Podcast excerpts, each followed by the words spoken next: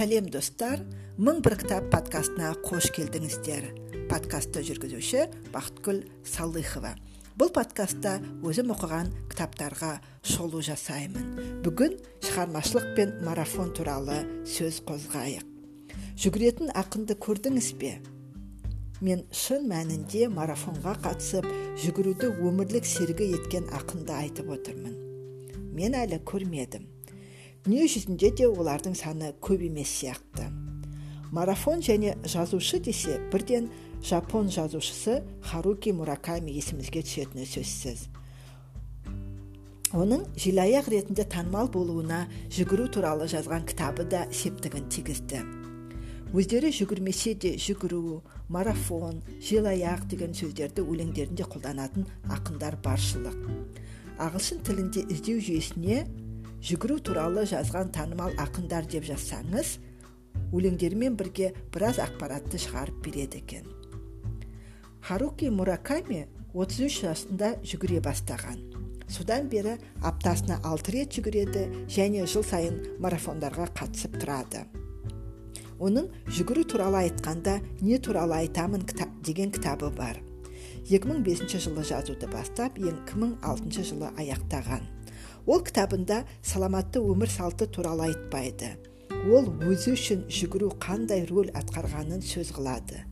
Өзіне сұрақ қойып жауап береді. Кітабында мынадай мысал келтіреді. Бір күні парижде қонақ үйде international herald tribune газетін оқып жатады. Газетте марафон жүгірушілермен сұхбат бар екен. Марафоншыларға мынадай сұрақ қойылған. Марафонда аяғына дейін жету үшін қандай сөздер қандай мантра қайталайсыз? Бір марафоншы былай дейді. Мен ағам үйреткен мына сөздерді қайталаймын. Аурудан құтыла алмайсың.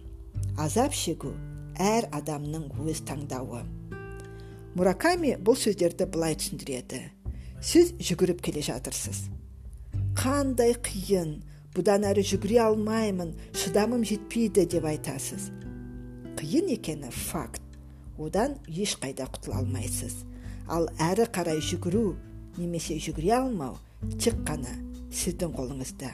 Оны тек қана сіз шешесіз. Тоқтау не ары қарай жалғастыру да өз қолыңызда осы кітапты оқып өз қорытындыларыңызды жасасаңыздар болады.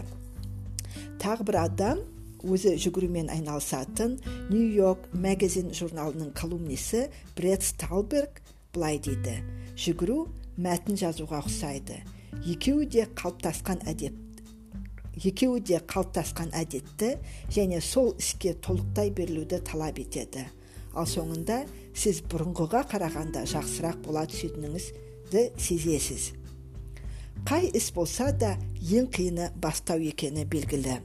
Мұның шығармашылыққа да жүгіруге де қатысы бар. Шығармашылық жолы және жүгірумен қызығушылығы қатар басталған харуки мураками марафонды жүгіріп өтуді роман жазумен салыстырады. Муракамидің жетістігі муракамидің жетістікке жету формуласы тұрақтылық күн тәртібі және ұстамдылық. Яғни артық та кем де емес келесі күні жалғастыруға жетерліктей күшің қалатындай жүгіру керек және жұмыс істеу керек. Соңғы жылдары елімізде марафон да түрлі спорттық шаралар да көп өткізілгендіктен саламатты өмір салтына ден қойып өз денсаулығына жауапкершілікпен қарап жатқандар да сән қуып қатарынан қалмай марафонға қатысып жатқандар да көп. Адамды қандай мақсат жетелесе де ең бастысы нәтиже. Ал бұл жылдан жылға адамдардың ойы өзгеріп денсаулықты сақтау ортаны өзгерту сапалы өмір сүру бағытына ауысып жатқанын көрсетеді. Не істесек те барлығымызға жақсы кеңес кәсіби маманның тәжірибесі және қолдау керек. Оны көбіне кітаптардан алатынымыз өтірік емес. Сондықтан жүгіруге арналған тағы да екі үш кітапқа сілтеме жасайын. Спорт журналисі мэтт фитчеральд жүгіру туралы жиырмадан астам кітап жазыпты оған қоса триатлон тамақтану фитнес және арықтау тақырыптарын да қамтыған бәріміз 20 да 80 деген паретто заңын естіп жүрміз яғни 20 пайыз күш жігеріміз 80 пайыз нәтижеге жеткізсе қалған күшіміз тек қана 20 пайыз нәтиже әкеледі осыған ұқсас мэтт фиджеральдтың 80 де 20 жүгіру атты кітабы бар.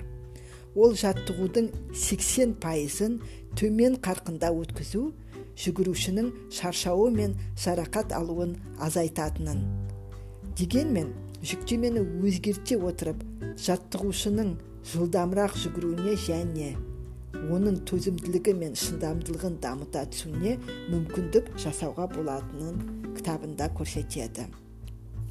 Мүмкін сіз менің жасым қырықтан асты елуден не алпыстан асты. Бәрі кеш жүгіргені несі дерсіз? Бірақ оған да жауабымыз бар. Джо фрил елуден кейін деген кітабын жазып шыққан. Және осы кітабында өз тәжірибесімен бөліседі.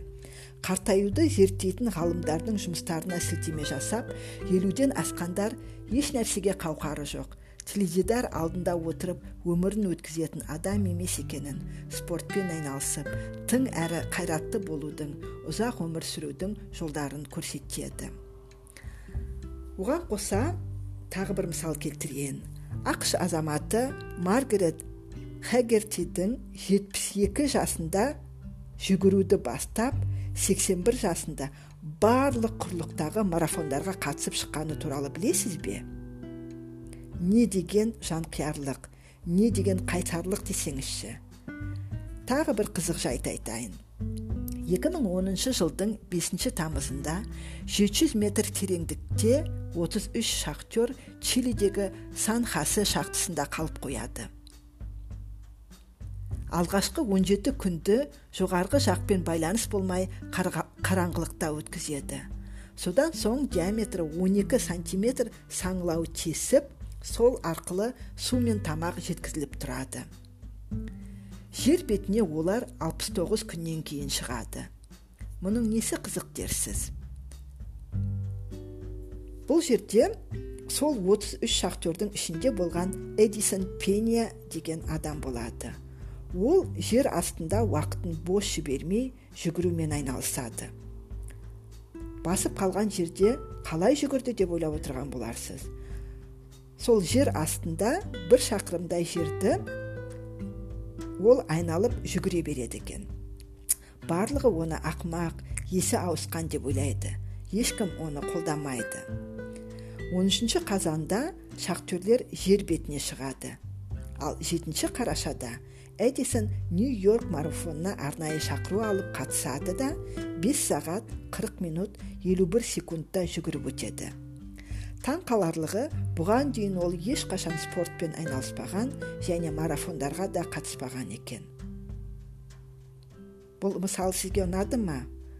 Егер сіз әлі де спортпен не шығармашылықпен айналыспағаныңызды дұрыс тамақтана бастамағаныңызды жаңа тіл үйренбегеніңізді түсіндіретін сылтау іздеп жүрсеңіз осы жоғарыда айтылған мысалдар сіздерге күш жігер береді деп сенемін. Шығармашыл адам бәрін жаңа парақтан таза беттен бастайтыны сияқты жүгірушінің де қадамы жаңа жолдан басталады. Бірақ екеуі де өздері қалаған нәтижеге қол жеткізеді. Дегенмен көңілі толмай қайта бастау да риза болып алға қарай жылжу да осыған да шүкір деп өзін жұбату да болады. Күнде марафон жүгірудің қажеті жоқ. Марафонды жылына бір рет әрі кетсе екі рет жүгіресіз. Ең бастысы өз күшіңіз бен шегіңізді сезіп уақытында тоқтап демалып басқа нәрсемен айналысып қайта қуаттанып келесі кезеңге өтуге күш жігеріңіз жеткілікті болсын. Бүгін тағы да мың бір кітап подкастын тыңдадыңыздар сұрақ қойыңыздар қызық болса осы айтылған кітаптарды алып оқыңыздар өздеріңізге әсер еткен кітаптармен бөлісіңіздер келесі кездескенше күнде кітап оқиық кітап оқудан жалықпайық ойымыз өсіп танымымыз кеңейе берсін сіздерге подкастты дайындаған бақытгүл салыхова келесі жолға дейін кітап оқып уақытымызды өткізейік